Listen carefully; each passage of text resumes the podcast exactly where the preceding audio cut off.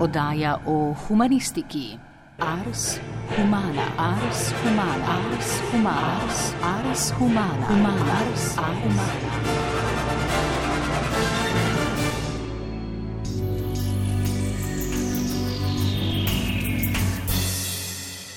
Drage poslušalke in dragi poslušalci, danes, v ponedeljek 23. maja 2022, na radio televiziji Slovenija stavkamo. Stavkajoči zahtevamo, med drugim, novinarsko, uredniško in institucionalno avtonomijo. Tudi zato se bomo v Daji pogovarjali, med drugim, o pritiskih na novinarke in novinarje, urednice in urednike radio televizije Slovenija. Več o temi bosta povedala dnevna urednica na multimedijskem centru Ana Svenšek in voditelj odmevov Igor Eugen Bergant. Z njima sem pogovarjal v živo Marko Golja. Spoštovana kolegica, cenjeni kolega, lepo vas pozdravljam. Hvala za vabilo. Z veseljem. Za začetek nekoliko osebno vprašanje. Zakaj ste postala to, kar ste danes? Novinar, voditelj. Kaj vas je motiviralo, govorilo, kje ste našli to željo in bom rekel ta klic? Um, če zdaj se povem, sama sem po naravi um, zelo radovedne sorte. Um, hkrati me tudi um, izjemno um, zanima zgodovina, pa tudi sicer družbeno-politične teme in se mi je zdelo, da v novinarstvu lahko združim um, oboje oziroma potešim to svojo radovednost, e, izvem kaj novega in hkrati to povem tudi ostalim. Se si kdaj predstavljali, da bo ta klic, ta želja po vednosti lahko tako nenavadna? Um, v bistvu sem um, na MMC prišla leta uh, 2007 uh, preko glasa um, za audicijo, ki je bil objavljen takrat na teletekstu. Um, in tudi začela sem delati najprej na teletekstu, potem se je to razvilo v spletno, um, spletni portal.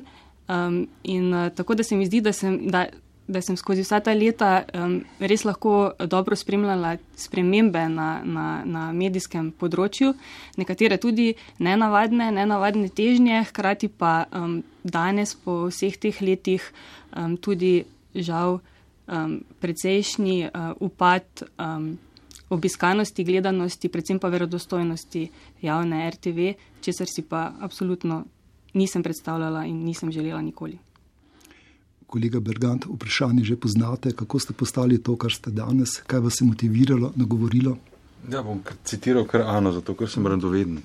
Uh, pa še ena stvar je bila zelo pomembna, da pač izviram iz novinarske družine, tako da sem ta poklic v bistvu uh, spoznaval v čas odraščanja in mi je pač bil všeč uh, izbirati stvari, razumel, izbirati stvari in prišel do dna in pač na ta način um, sem se potem tudi odločil, da bom uh, študiral novinarstvo in da bom uh, se z novinarstvom ukvarjal. Tega ne obžalujem, čeprav si znam predstavljati, da bi seveda delal tudi druge stvari, ampak um, uh, mislim, da se zaenkrat. Oziroma, za zdaj, no, še v tem uh, poklicu počutim dobro. Je pa če dalje težje, to je pa res. Ampak novinari pač s tem tudi moramo živeti. Ne. To nikoli ni bil lahek poklic. Naj povem, da sem v minulih letih pripravil kar nekaj oddaj, ker sem imel težave z gosti. Naprimer, kakšen minister, konkretno dr. Vasko Simoniti, ni prišel na tri, štiri povabila v to oddajo. Kakšen minister je odpovedal sodelovanje na dan oddaje. Ampak nikoli se mi še ni zgodilo, da bi toliko gostov, oziroma domnevnih gostov, ki sem jih povabil, da bi sodelovali v oddaji, reklo ne. Nekateri so rekli to takoj decidirano, ne bom sodeloval v tej vdaji, je rekla oseba, kdo drug je bil na robu joka. In ko sem se pogovarjal s temi osebami, sem dobil občutek, da so zelo hudi stiski. Kako se pa vidva počutite danes na radio televiziji Slovenija? Trenutno na radiju, v vaši oddaji, se eh, počutim rahlo nervozno, ravno zaradi tega, ker se mi zdi, da je treba vseeno paziti eh, na besede, eh, paziti na to, kako, v kakšnem kontekstu predstavimo stvari, ker se mi zdi, sploh, koliko smo bili priča v zadnjem letu, se um, lahko povedano hitro, zelo hitro zmanipulira, um, postavi v drugačen kontekst, kar smo lahko opazovali naprimer, na primeru Marcela Štefančiča um, in njegovih um, izjav na uh, tribuni za javno RTV, ki so bile še v istem večeru um, izrezane iz konteksta postavljene v nek čisto drugi okvir in potem se je to tako zelo hitro širilo po družbenih omrežjih, po, čeprav pravimo, da so to nekako mehurčki, ki ne pridajo do ljudi, je pa očitno vseeno prišlo prav vodstvo RTV Slovenija programskemu svetu, ki ga ni zanimalo um, dejansko stanje, dejansko, uh, dejansko povedan kontekst, um, ampak so to zlorabili zato, da so voditelja, voditelja po 33 letih um, zamenjali. Tako da verjamem, da marsikdo ne želi govoriti javno, ravno zaradi te bojazni in ravno zaradi tega, ker se z pojavim družbenih omrežij, pa tudi, če imaš pač zelo namerne namene, to lahko zelo hitro um, obrne v škodo tistemu, ki se je izpostavil. Razumem stisko oseb, ki niso želeli sodelovati v oddaji. Ampak to, kar ste povedali o tej manipulaciji, kaj to pomeni, kaj nam sporoča o namenih delovanja vodstva RTV Slovenija, da tako nekako povzame ponotranji neko manipulacijo. Težko odgovorim, kaj to pomeni, um, zakaj vodstvo uh, to tako počne, ampak uh, moje čisto osebno um, mišljenje je, da očitno za RTV Slovenija nimajo najboljših namenov. Kolega Bergant, redno vodite oddaje odmevi in vedno ste suvereni, vedno nekako pokažete, da vas stvar zanima. Pa me zanima, kako se počutite v teh zadnjih mesecih, tednih, lahko pa tudi daljše obdobje. Ali so bili v tem daljšem obdobju, v primerjavi s danim, tudi že kakšni pritiski, kako so se ti pritiski manifestirali, kako ste se odzvali na pritiske? Mislim, pritiski v novinarstvu so vedno pač najelementarnejši pritisk na delo novinarja, pa novinar je čas, ker je pač treba spoštovati roke, oziroma pač delamo tako rekoč uživo. Tako da. Seveda, določen stres je spet naravn, ker nastopaš pred sorazmerno velikim občinstvom, kar kar seveda ne, za, za mnoge ljudi tudi, tudi v bistvu ena ovira uh, in neka stiska, da, da pač ne želijo javno uh, nastopati. Jaz sem vedno pritiske, take in drugačne, imel kot sestavni del tega poklica. Seveda pa tudi to ima svoje meje. In uh, mislim, da v zadnjih letih uh, se je ta meja začela uh, premikati čez uh, mero znosnosti. Uh, namreč se mi zdi, da to, kar je Ana povedala, um, je seveda velik problem. Uh, pač javni prostor se, če uporabim eno zelo uh, popularno ali pa zelo razširjeno besedo, zdaj v zadnjih dveh letih se je inficiral uh, z nespodobnostjo, ki je v bistvu preskočila iz uh, družbenih omrežij uh, tudi v ta, jaz bi rekel, bolj klasični javni prostor in televizija medtem postala že, že klasika.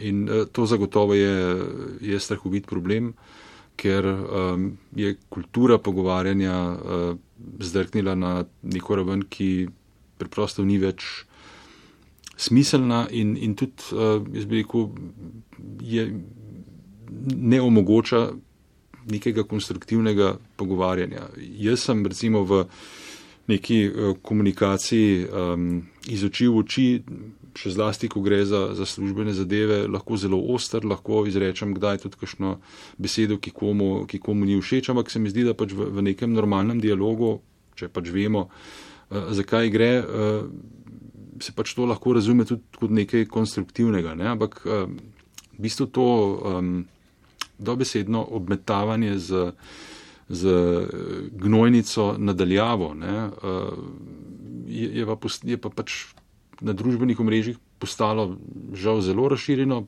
Problem je pa nastal v trenutku, ko se je pa to eh, preselilo v recimo temu klasični prostor dialoga. Mislim, da imamo na radio televiziji Slovenija že več let ali pa desetletji v bistvu kar hude probleme, predvsem strokovnostjo, politični pritiski, takšni ali drugačni, so, so na nek način vedno bili tudi naša stalnica, so pa, so pa imeli tudi, tudi neke meje. Ne? Uh, in še zlasti pač so taki politični pritiski lahko popolnoma brezpredmetni, če na eni strani pač obstaja nek, jasen notranji dogovor o tem, kaj je profesionalno in kaj ne, oziroma če pač v primeru nekih političnih pritiskov ali pa konc konca tudi ekonomskih, imajo novinari in novinarke in tudi urednice in uredniki, ki so na nek način zelo pomembni braniki ne,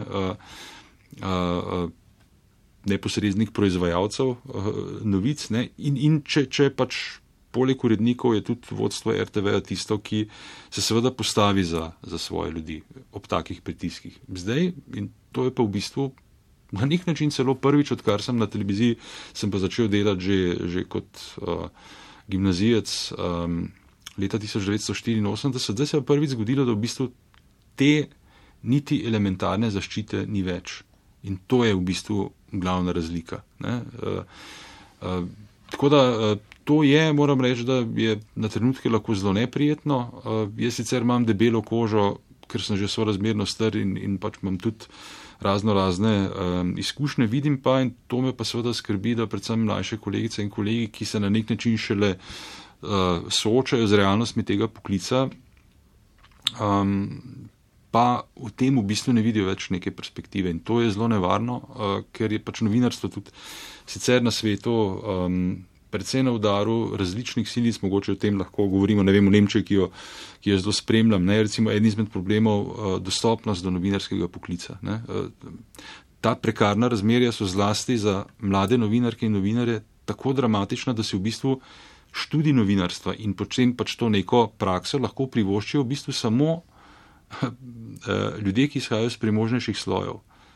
To pa zato, ker v bistvu je to delo pač v teh prvih letih ne, praktikuma je v bistvu zaston oziroma pač tebe v bistvu mora družina preživljati zato, da tam pri 25 do 30 letih v bistvu lahko to delo sploh upravljaš. Mislim, mi se ne zavedamo, kaj vse to je, pri nas je mogoče glede tega malce lažje, ampak to so recimo neki, neki realni problemi.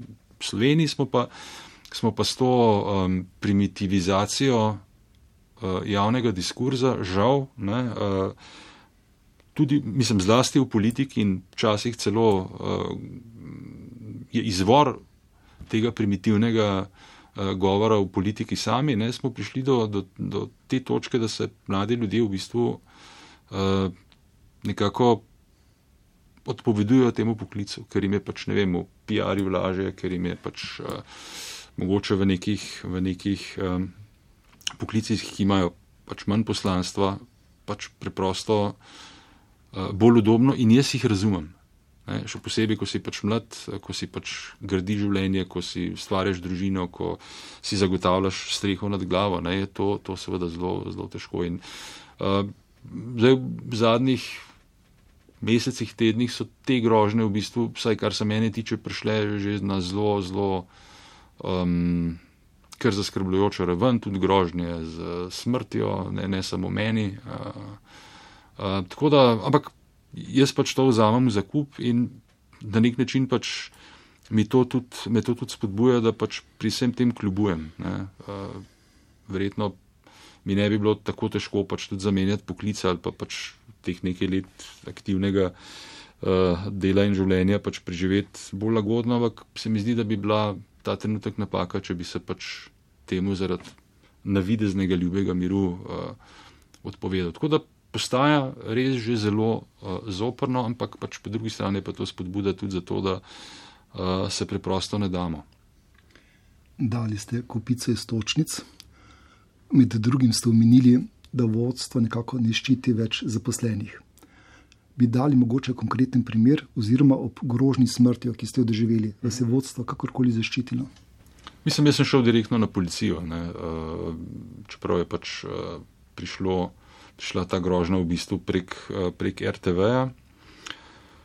Uh, delno tudi zato, ker moram reči, da osebno pač to to pač tudi odkrito priznam, do, do tega vodstva ne gojim kakšnega posebnega zaupanja. Problem se mi zdi predvsem v tem, da je um, da ravna zelo nestrokovno. Uh, pač v neposrednih pogovorih veliko krat poslušamo, ne pač nek izhodišče. Jaz sej, uh, jaz se pač na to, kako nek delovni proces uh, ustvarjanja novice ali pa pač ustvarjanja nekega prispevka ali podaje, ne razumejo.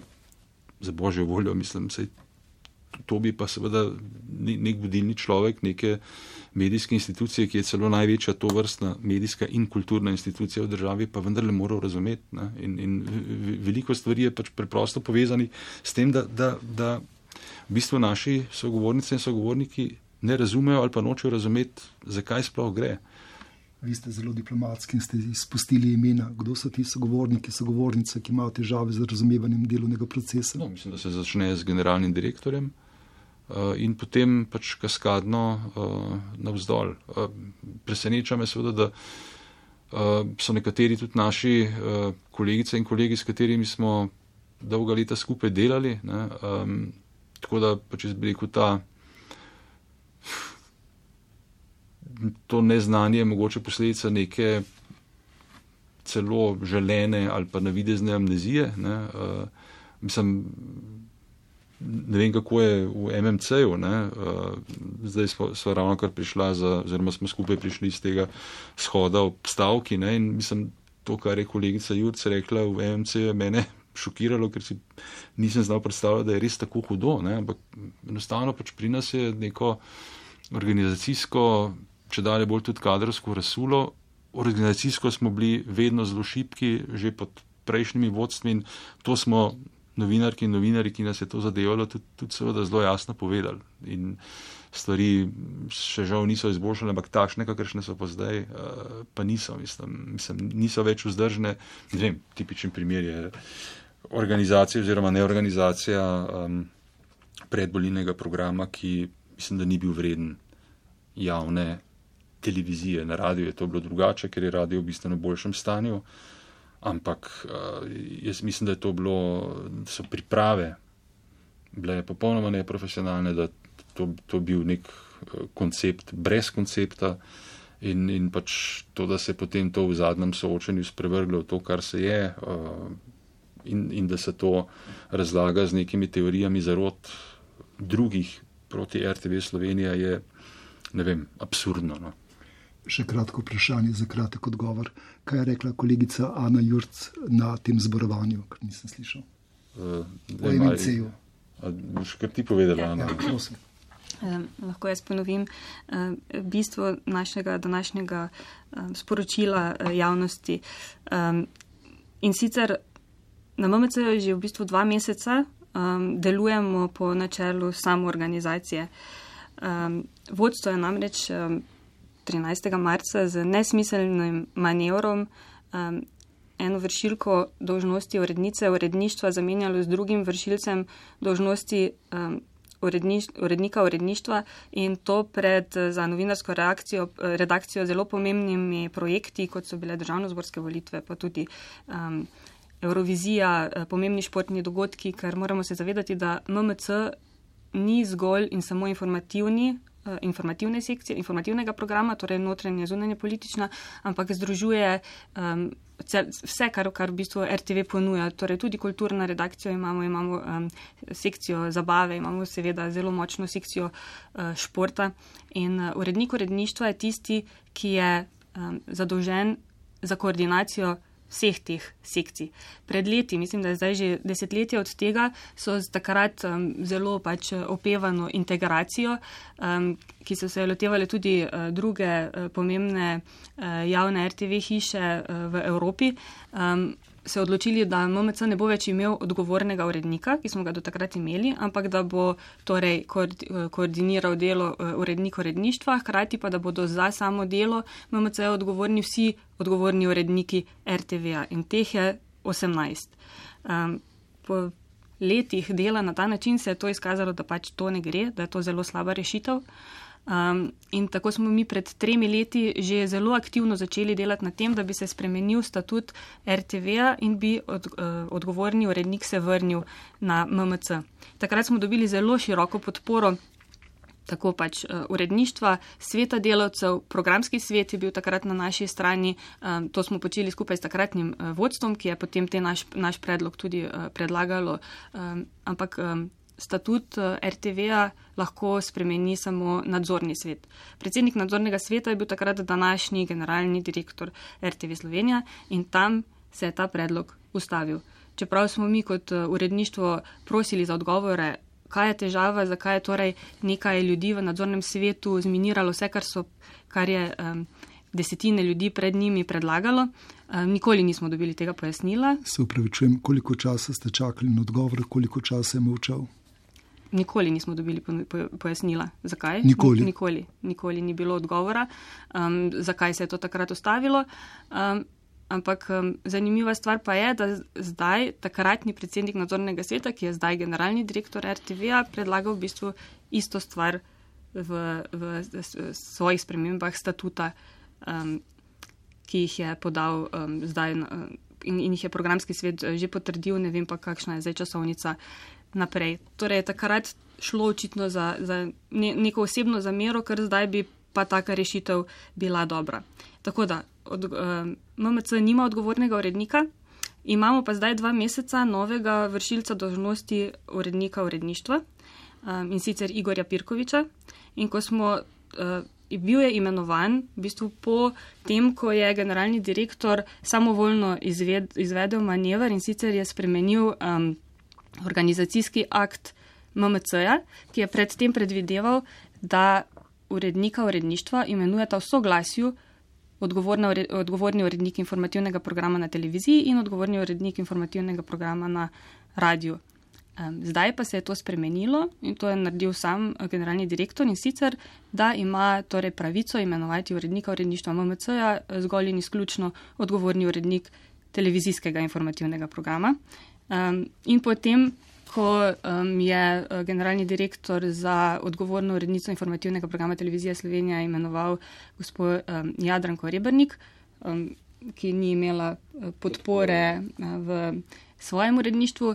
Medtem ko se MMC, uredništvo MMC o tem niti ni smelo izrekati, saj smo dobili pravni odgovor, da nismo zaposleni v istem uredništvu. Se upravičujem, kdo je podpisal ta, ta odgovor, to pravno mnenje? Um, pravne službe prav, RTV Slovenija. RTV, um, pravna služba RTV.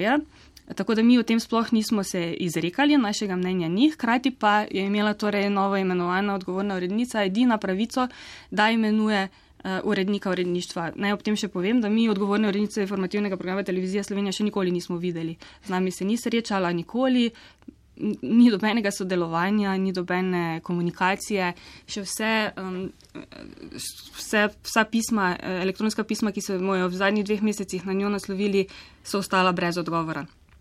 In potem se je torej 13. marca zjutraj um, zgodila ta menjava, uh, prišla je nenadoma, uh, nismo bili mi spet v uredništvu o tem uh, popolnoma nič ne obveščeni, kaj še lepo vprašani in smo dobili uh, novega vršilca dožnosti urednika uredništva Igorja Pirkoviča.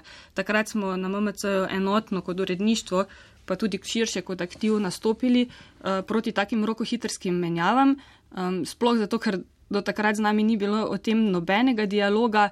Um, gospod Igor Pirkovič, kolikor nam je znano, nima sploh nobenih izkušenj z spletnim novinarstvom, ki je drugačno kot televizijsko novinarstvo. Uh, bil je, čeprav vemo, pred leti um, urednik um, televizijske oddaje Tednik, pa je moral odstopiti, ker je varuhinja um, pravic gledalcev ugotovilo, da, da je kršil načela uh, nepristranskosti in profesionalnosti. Tako da smo seveda imeli takoj pač uh, izražen dvom, kdo je torej človek, ki bi naj postal um, urednik uh, uredništva. Uh, takrat smo imeli sestanek z generalnim uh, direktorjem. Na tem sestanku ni bilo ne urednice, um, inf, odgovorne urednice informativnega programa, ki je torej nam imenovala novega človeka, ne novo imenovanega vršilca dožnosti urednika, ampak samo pač generalni direktor, ki nam je na vsa vsebinska vprašanja logično seveda odgovarjal, da to ni njegova pristojnost, da je to pristojnost uredništva, ko smo ga pa urednikov, ko smo ga pa direktno um, seznanili z našimi očitki, konkretno, zakaj se nam zdi, da na tak način pač se, se ne more menjavati um, urednika uredništva in tudi zakaj imenovanje ni primeren za to vlogo, pa nam je odgovoril enostavno, naj mu damo priložnost. Um, in po dveh um, mesecih te priložnosti um, je stanje tako, da delujemo po načelu samoorganizacije, um, da so uh, uredniške intervencije vršilca dožnosti urednika zelo naključne, predvsem usmerjene v točno uh, določene politične teme. Um, zakaj ostalega pa, uh, pa pa se pač sploh ne, ne pogovarjamo. Nikoli še nismo imeli uh, sestanka uredništva z vršilcem dožnosti um, urednika. Um, med, ne vem, če povem čisto konkretni. Um, Konkretni primer med 22. aprilom in 9. majem, naprimer, sploh ni bilo nobenega glasu, sicer se oglaša samo in izključno preko elektronske pošte, ki jo pošle na splošni mail dnevnih urednikov. Med, torej med tem časom, ki sem ga omenila, dveh tednov, ni bilo sploh ničesar od njega, pa vemo, da so bile 24.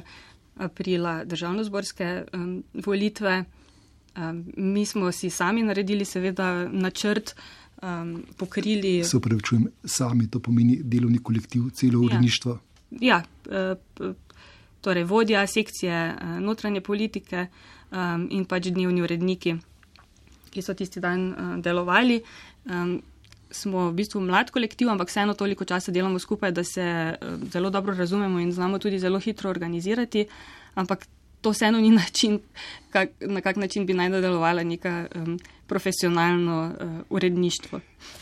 In to ste naredili z občutka dožnosti z občutka do programa, do, do javnosti, do RTV hiše? Seveda, dožnosti do, do javnosti, um, pa predvsem tudi do portala MMC-ja mi smo res kot, kot redakcija rasli skupaj z razvojem spletnega medija ga imamo nekako za svojega, se trudimo, da delujemo ažurno, kar je sploh pomembno za, za spletni medij, uh, poglobljeno, uh, preverjeno, strokovno in si pač tega ne želimo, ne želimo vzeti, ker smo vsi profesionalni novinari, zavezani svojemu delu, zavezani javnosti, nismo zavezani noben, nobeni politični opciji, nobenemu vsakokratni eh, oblasti, ampak tudi ne vsakokratnemu vodstvu RTV-a, ampak smo zavezani javnosti in našim uporabnikom, ki jih je veliko. Dnevnih uporabnikov imamo namreč na portalu 250 tisoč, mesečnih 600 tisoč, tako da imamo zelo široko publiko in njim se absolutno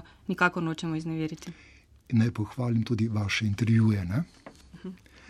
Kolega Bergant, želeli ja, nekaj dodati. Mislim, kar, je, kar je mene uh, šokiralo, ne, pač, uh, ravno to, da pač očitno imamo nekega vršilca dožnosti, odgovornega urednika, ki svojega dela ne upravlja. Ne, zdaj, jaz sicer že toliko časa sem že na svetu, ne, da seveda lahko zdaj slišim tudi cinične odgovore, ja pa, ne, sej, zdaj pa imate samo upravljanje, v čem je problem. Ne? Ampak mislim, to, to je absurdno in to pač kaže na, na raven profesionalnosti vodenja te hiše. Ne? In zato tudi stavkamo danes. E, to je pač eden, eden izmed, eden izmed uh, razlogov za za neko sicer malce drugačno, ampak vendarle tudi ne tako zelo nepodobno situacijo v informativnem programu na televiziji. Ampak hočem povedati nekaj. Ne. Mislim, ta, ta zgodba o MMC-ju v bistvu je zelo tipična za razmere na RTV-ju spoh. Seveda, vsi problemi niso nastali z prihodom aktualnega vodstva. Ne. Mi že desetletja v bistvu na nek način izgubljamo, izgubljamo uh, stik z, na, z našim občinstvom, uh, ne glede na to, da seveda na različnih področjih še vedno delujemo uh, profesionalno in poskušamo seveda, kar se da profesionalno, pač primer MMC-ja zdaj tudi v tem položaju, pač delovati tudi v, v negotovih razmerah, ampak ne, mislim. To, to, kar, to, kar pravi Ana, ne? jaz preprosto ne morem razumeti, kako je možno, da multimedijski center RTV Slovenija že zdavnaj ni povsem enakovreden del troedine, če hočete, ne se malo mal religioznosti tudi ne škodi, uh, eh, RTV Slovenija, radio, televizija in digitalni, uh, digitalne vsebine. Ne, uh, se pravi, že, že čisto organizacijsko je to nesmiselno še celo več. Eh, zelo uspešne javne radio televizije, najbližje nam je recimo eh, avstrijska, ne, pač eh, tudi z vodstvom, novim vodstvom, za katerega sicer tudi zanimivo trdijo, da je bilo politično nastavljeno. Ne, zdaj uveljavlja v bistvu nek pristop, ko bo pač v bistvu ta digitalna platforma ORF-a v bistvu izhodišče za vse, za, tudi za televizijo in za radio. Preprosto zato, ker so se pač tehnološke in tudi, tudi uh, rekel, pač, um, tehnološke razmere in pa seveda tudi navade občinstva tako zelo spremenile, da je to edina pot.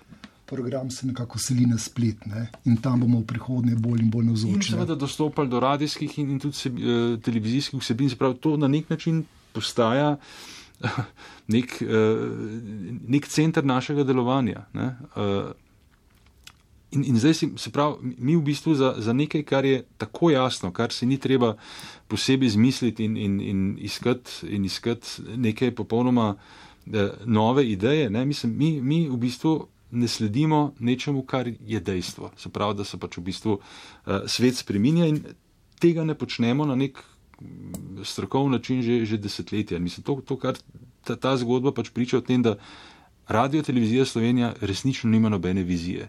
In jaz to stavko, če, če se pač vrnemo k izhodišču, razumem seveda tudi kot ne samo kot neko skrajno opozorilo, da moramo začeti res naše notranje razmere urejevati. Seveda potrebujemo novo zakonodajo, ki bo sodobnejša, ki bo primernejša, ki bo seveda preprečevala apetite političark in politikov uh, za, za vplivanje na, na vsebine, ampak mi se predvsem moramo začeti pogovarjati o viziji tega medija. In, in ne pozabiti, pač RTV Slovenija je največja medijska in tudi največja kulturna institucija v državi. Ne, če, če bomo to zdaj bomo uporabljali pač športni izraz za balinal, ne, potem nas v bistvu kot, kot neke družbe in države kmalo ne bo več, pa naj se to še tako zelo patetično sliši. Je ne, točno to. Ne? Ne, uh, in, in skratka, skrajni čas je, da se začnemo pogovarjati o tem, kaj naj bi v prihodnje počeli, kako bi to počeli in predvsem, da pač damo strokovnjakom in med nami jih je kar, kar zelo veliko in tudi v, v, v drugem prostoru Slovenije jih seveda uh, imamo, dati uh, dat možnost, da postajamo nek koncept, ki bo vreden mm, poslanstva, ki ga imamo, ki bo na vse zadnje vreden tudi tega, da nas, da nas uh, ljudje v Sloveniji plačujejo. In še enkrat ponavljam, mi nismo državna radio televizija ne? in RTV prispevek ni davek. To je v bistvu prispevek sicer obvezen, ampak obvezen z razlogom, prispevek javnosti za to, da je RTV Slovenija lahko neodvisna od politike in od trga. In to je ključno. Uh, in, in um, jaz pač razumem to kot, kot uh, nek, nek zadnji poziv k temu, da se začnemo kot družba uh, v tej državi pogovarjati, kaj mi s tem servisom sploh hočemo in kako ga narediti bistveno boljšega, bistveno sodobnejšega. Eh, bistveno bolj prilagojenega potrebam zlasti ljudi ne, in seveda potrebam nekega, nekega sveta, v katerem živimo in ima strahovite izzive. Prosim, ja. Zato smo tudi danes eh, na dan stavke namenili velik del prostora, tako na MMC-ju kot v ostalih radijskih in televizijskih eh, oddajah, ravno tem odpiranju teh vprašanj in tem tema, teh tematik. Um, tako da lahko ljudje preberejo, kaj o tem mislijo strokovnjaki, kakšne so izkušnje iz tujine, um, kakšne so dobre, slabe prakse, da bi se odprl prostor debate, zakaj je torej pomembna neodvisna, samostojna in predvsem javna RTV eh, Slovenija. In zato, ker je danes dan stavke, sem izbral glasbeni premor, kot ga bomo slišali v naslednjih dveh minutah. Poslušajmo. Ajmo.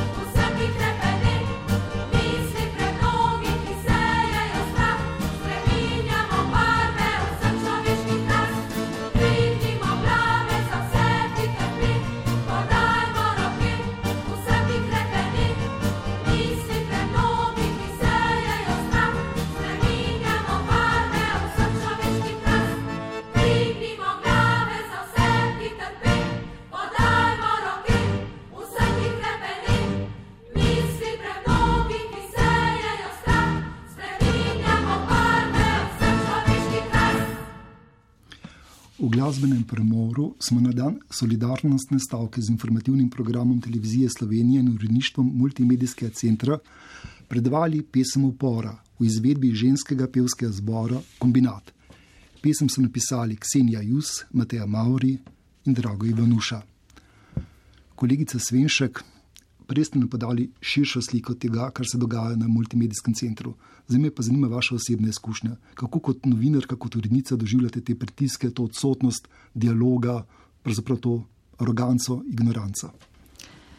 Um, ja, v zadnjih, kar zdaj že kar nekaj mesecih, ne samo dveh mesecih, ni več tako zelo prijetno priti uh, v službo. Predvsem zato, ker ne veš, kaj te bo pričakalo, s čim se boš tisti dan spet uh, moral soočati. Uh, v zadnjih dveh mesecih so to predvsem pač torej, um, elektronske, elektronska pošta, ki prihaja sicer zelo naključno in zelo sporadično in zelo pač. Usmerjeno v točno določene teme, ampak hkrati um, se moraš takrat kot dnevni urednik s tem soočiti, torej kako boš uh, odgovoril na nek predlog ali pa predvsem na, na um, neko odreditev, da moraš objaviti uh, tekst, uh, ki, je, uh, ki ga je napisal nekdo od zunanjih izvajalcev, to ne gre za pač MMC novinarje ali morda nekdo iz. Pred kratkim angažiranih televizijskih um, novinarjev, in potem bereš in vidiš, da so, da so um, kršenja novinarskih standardov, da so vsebinske pomankljivosti, da bi bilo treba um, stvar dopolniti. Uh, To od uh, uredniku uredništva uh, omeniš, prosiš za dodatno argumentacijo, pa dobiš vedno zelo generičen odgovor, da za vsebino odgovarja on. Čeprav to ni res, ne? odgovarjamo tudi dnevni uredniki, predvsem pa vseh 18 um, odgovornih urednikov. Um, Tako da to so dnevna posvetovanja med ostalimi dnevnimi uredniki, da si pomagamo, um, da si nekako poskušamo vsak um, eh, svoje strani osvetliti, na kak način bi bilo zdaj pač na, najboljše odreagirati, kaj, koga še povprašati, um, kako torej um, ravnati z vsebino, ki, jo, ki, ki jo moramo objaviti um, na portalu. In to so konkretni pritiski. Um, In kot pravim, smo vse čas smo na vezi, vse čas uh, imamo telefone uh, pri sebi, da se lahko pač uskladimo, ker več glav več ve. Um, in ker se v bistvu na tak način soočamo s tem prvič. Sicer je bilo pred desetimi leti, ko smo imeli tudi eno. Uh, epizodo, eh, podobno š, eh, v bistvu še huje, ampak takrat smo bili večinoma vsi honorarni sodelavci, kar je bila še pač drug, drug pritisk na nas. Tokrat smo vsaj redno zaposleni um, in veš, da, da boš naslednji dan na urniku kljub temu, če boš pač ravnal uh, profesionalno in etično. Um, ampak vzdušje, delati v, v, v, takšnem vzdušju, enostavno pušča tudi posledice čisto na, na, na osebni ravni. Ne. Veliko je neke tesnobnosti, veliko je nekega pogovarjanja, um, iskanja smisla, dokler smo še enotni in dokler uh, vemo, zakaj to delamo, je lažje, uh, ampak vsak se, vsak se uh, počasi utrudi truditi za pravo stvar, če na drugi strani pač ni sploh nobenega izplena. Multimedijski center ima tudi vodjo vam ta vodja, ki ga je imenoval generalni direktor, kakorkoli pomaga? Um, tudi z vodjo imamo bolj um, malo stika.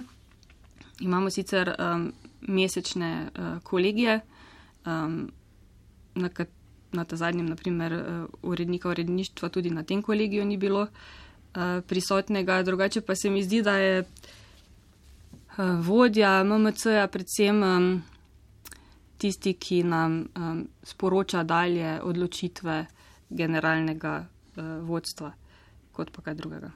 Ni pa na vaši strani, da bi naprimer zahteval sestanek z vršilcem dožnosti ali da bi rekel, da je to negativna, slaba praksa. Uh, prosili smo ga na zadnje, ko se um, vršilec dož, dožnosti uh, urednika sploh ni odzival na dva ali tri poslane elektronska sporočila eh, aktiva, da se torej končno sestanemo, celotno uredništvo, um, da se lahko pogovorimo o njegovi viziji in o stvarih, ki jih sicer razlaga za druge medije, da bi povedal še nam, da bi ga torej končno spoznali. Um, na to um, urednik uredništva ni odgovoril, prosili smo potem uh, vodjo MMC-ja, če lahko on posreduje, pa nam je potem v bistvu posredoval samo njegov odgovor, da se torej uh, vršilec dožnosti urednika uredništva s celotnim uredništvom ne želi sestati. Je navedel kakšen razlog, motiv, pojasnilo, opravičilo? Um, samo, da bi naj skliceval uh, sestanke ena na ena, kar pa pač se tudi ni zgodilo, plus tega mi pač želimo kot uredništvo se z njim pogovoriti. Ne, hm. Ne bom vprašal, ali se boji kolektiva, ampak zdaj smo se nekako pogovarjali o različnih oblikah pritiskov, ki so, rekel, pogojno strukturni. Ne?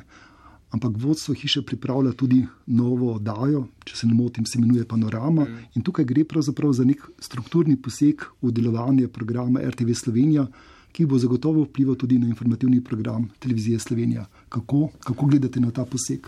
Ja, če smem samo Sve. toliko še v zvezi z MMC. Ne, če jaz prav razumem, pač novi VD odgovornega urednika ni predstavnika kakršnega programa dela ali vizije, kako si on predstavlja delovanje tega medija. Ne? Mislim, se, se, gledajte, se, to, je, to je samo po sebi že dovolj zgovorno. Ja, pri nas je v bistvu ta, ta um, problem in ta, če hočete, ker smo slišali pač pesem, ne, ta upor začel z, z nekimi zelo uh, korenitimi posegi v, v naš program. Ne? In zato je takrat tudi odgovorna urednica Manica Janežič Ambroži, za katero vem, da je bila pod izjemno hudimi pritiski in, in še nekaj moram tudi povedati.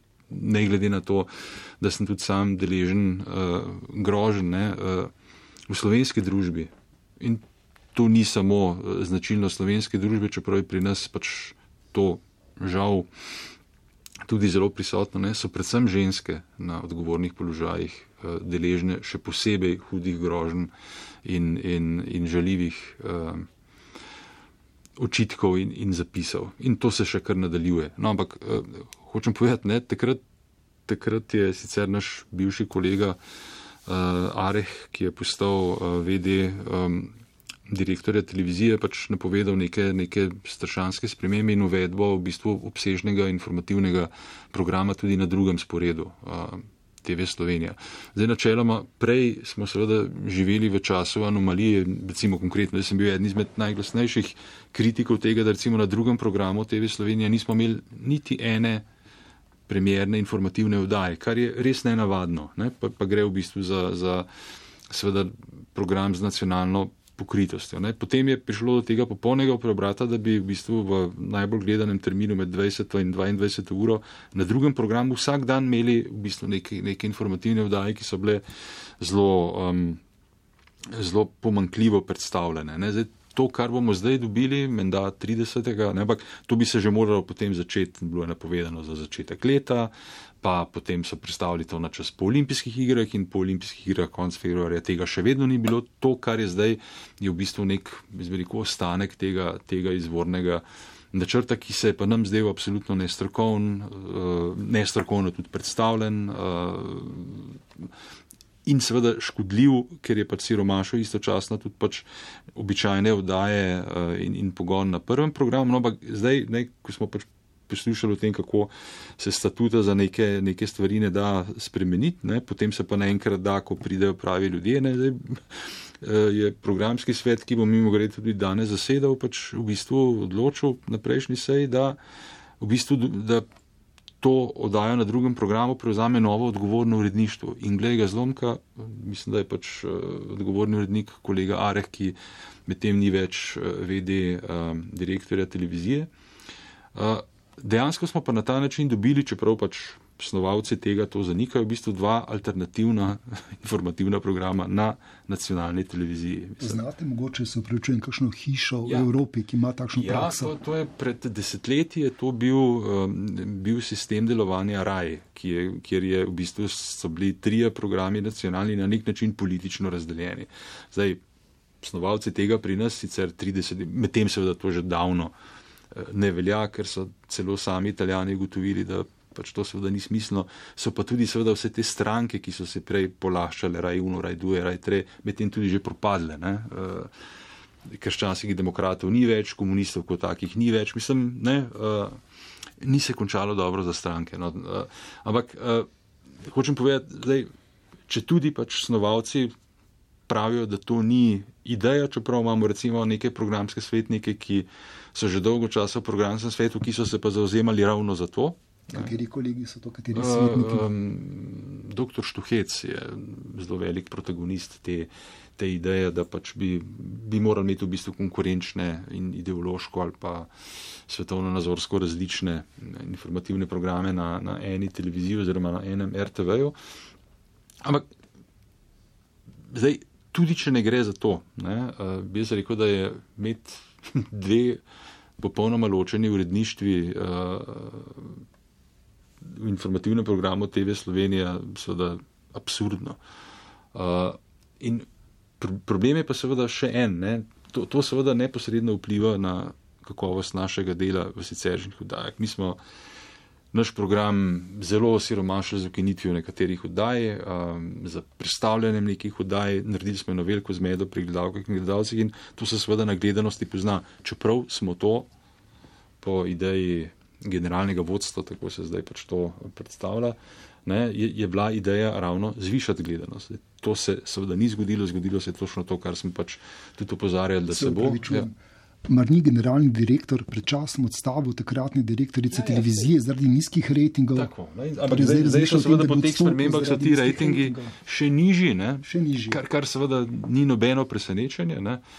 Uh, zgubili smo pač zveste gledalke in gledalce, uh, zgubili smo na nek način tudi kredibilnost, če ti v bistvu Eh, občinstvu neprijazno spreminjaš program. Na vse zadnje potem smo pa še ukinili oddajo, ki je imela zelo stabilno gledanost, Studio City, ne, ki je bila izjemno kakovostna oddaja.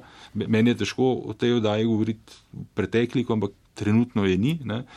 In, in zdaj dobivamo neko oddajo, za katero v bistvu nihče od ljudi, ki tukaj desetletja delamo in seveda delamo v informativnem programu, ne vemo, kakšna bo. Uh, bojim pa se, glede na to, pač kako, kako se je pripravljal v ne, neki tajnosti in kako pač to, kakšen bi lahko bil pristop, da, da bo ta pristop v bistvu zelo po vzoru nekih komercialnih televizij v Sloveniji naš, jaz v naših komercialnih televizijah, zlasti nekaterih, nimam slabega mnenja, imajo v bistvu zelo dobre informativne programe, pač vezane na njihovo poslanstvo, ki je pač biti komercialna televizija. Ne?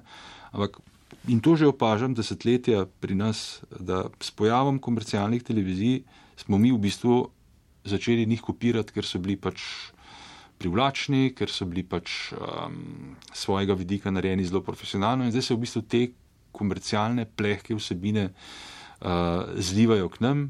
Dal vam samo en pač zelo zanimiv primer. Pred leti se je, so ravno na kanalu A uh, uvedli dramatični sedanik ne, v poročanju mm. informativnem. To ga poznajo pisatelji. Ne, in, ja, ne. Ne. Pridemo pred občinsko stavbo in pogledamo, ali kdo dela. Odpremo vrata in vidimo, da nikogar ni. Ne.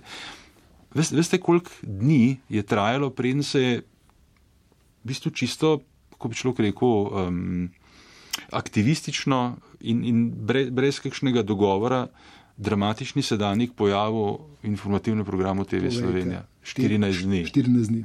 Ja, in, in to, to je mene, moram reči, šokiralo. Ne?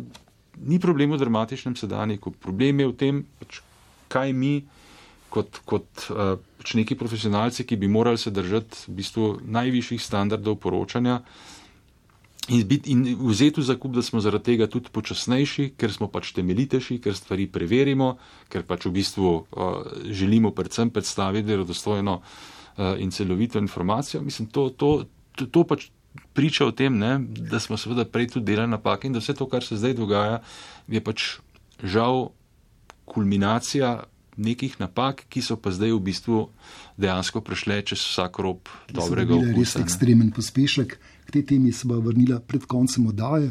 Kolegica Svenšek, še to me zanima. Vi ste povedali, kako kot kolektiv nekako se soočate, spopadate s temi tudi tesnobami. In na začetku oddaje smo menili, da je bilo kar nekaj oseb, ki niso želeli sodelovati v oddaji. Imate mogoče kakršno koli spodbudno besedo na svet za vse te ljudi, ki doživljajo neke stiske iz dneva v dan, pa mogoče teh težav nekako še ne morejo rešiti. Karkoli, kakršno koli sugestijo, spodbudno besedo, karkoli. Um, to bo mogoče zvenelo malo na prvo žogo in plehko, ampak sama pri sebi vedno na koncu dneva si rečem, um, ali se lahko pogledam v gledalo. Ali se lahko na koncu svojega delovnega dne pogledam v gledalo in vem, da sem stala za neodvisnostjo, za profesionalnostjo in za uh, kakovostno vsebino, ki smo jo objavili na, na, na portalu oziroma pač uh, na MMC-ju. In um, to je meni glavno vodilo, ne glede na, na vse ostale stvari, ki se dogajajo, ki niso lahke, ki vplivajo, kot pravim, tudi na osebna, čisto na, na osebni ravni, na, na življenja ljudi. Um, sama imam pač to pred sabo ali lahko sama sebi pogledam v oči. Hvala za ta odgovor. Žal se naša oddaja naglo bliža koncu, ampak se bi še zadnjič vrnili k prihodnosti RTV. K tej temi ste kar nekajkrat, ne bom rekel, zašli, pristopili in me zanima tole.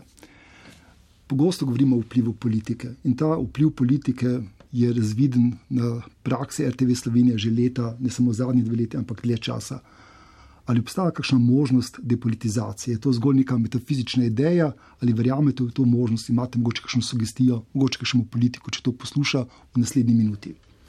Jaz mislim, da pač je politizacija nujna, če ne nas ne bo. In jaz mislim, da je pač seveda možno, možno tudi um, uresničiti. Uh, se pa politika mora zavedati, da se mora tudi sama omejevati in da je v interesu katerekoli, katerekoli politične stranke, razen če nima res zelo uh, avtoritarnih namenov, ne? da je najboljši, popolnoma neodvisen radio-televizijski servis v službi javnosti, ker je enak za vse in je pošten za vse. Uh, in, uh, To, to, to je pač iz razvitejših držav, je, je to popolnoma jasno. Politika bo vedno poskušala na to vplivati, ampak za politiko je bistveno bolje, če pusti ta prostor uh, pri miru ker, ker se na ta način, ker če pač omogočiš neko profesionalno delo in skrbiš za to, da pač se to delo lahko v normalnih razmerah po zelo jasnih in najvišjih standardih upravlja, potem je to dobro za celotno družbo. Jaz, jaz in pač vsi imajo polno usta v tem, kako si želijo lepše, boljše Slovenije. Če to hočejo, potem naj nas pustijo pri miru in naj nam dajo možnost, da delamo dobro, še več kot doslej in, in uh, seveda, da, da pač uh, še z višjimi standardi upravičimo naš obstoj. Mislim, da smo pa tega sposobni. Hvala za to zaupanje. Kolegica Ana Svenšek in kolega Igor Bergant, hvala vam za sodelovanje v oddaji Ars Humana v pritiskih na novinarke, novinarje, urednice in urednike Radio Televizije Slovenija. Vam, dragi poslušalke in dragi poslušalci, bi se zahvalil za vašo pozornost. Oddajo pa posvečam vsem tistim kolegicam in kolegom, ki sem jih povabil v oddajo, pa so se odločile, da v oddaji ne sodelujejo. Toliko o stanju na javni RTV Slovenija, ki jo vodi generalni direktor Andrej Grah Votmau. Oddajo sva pripravila Vid Humor in Marko Golja. Oddaja o humanistiki. Ars humana, ars humana, ars humana, ars, ars humana, humana, ars humana.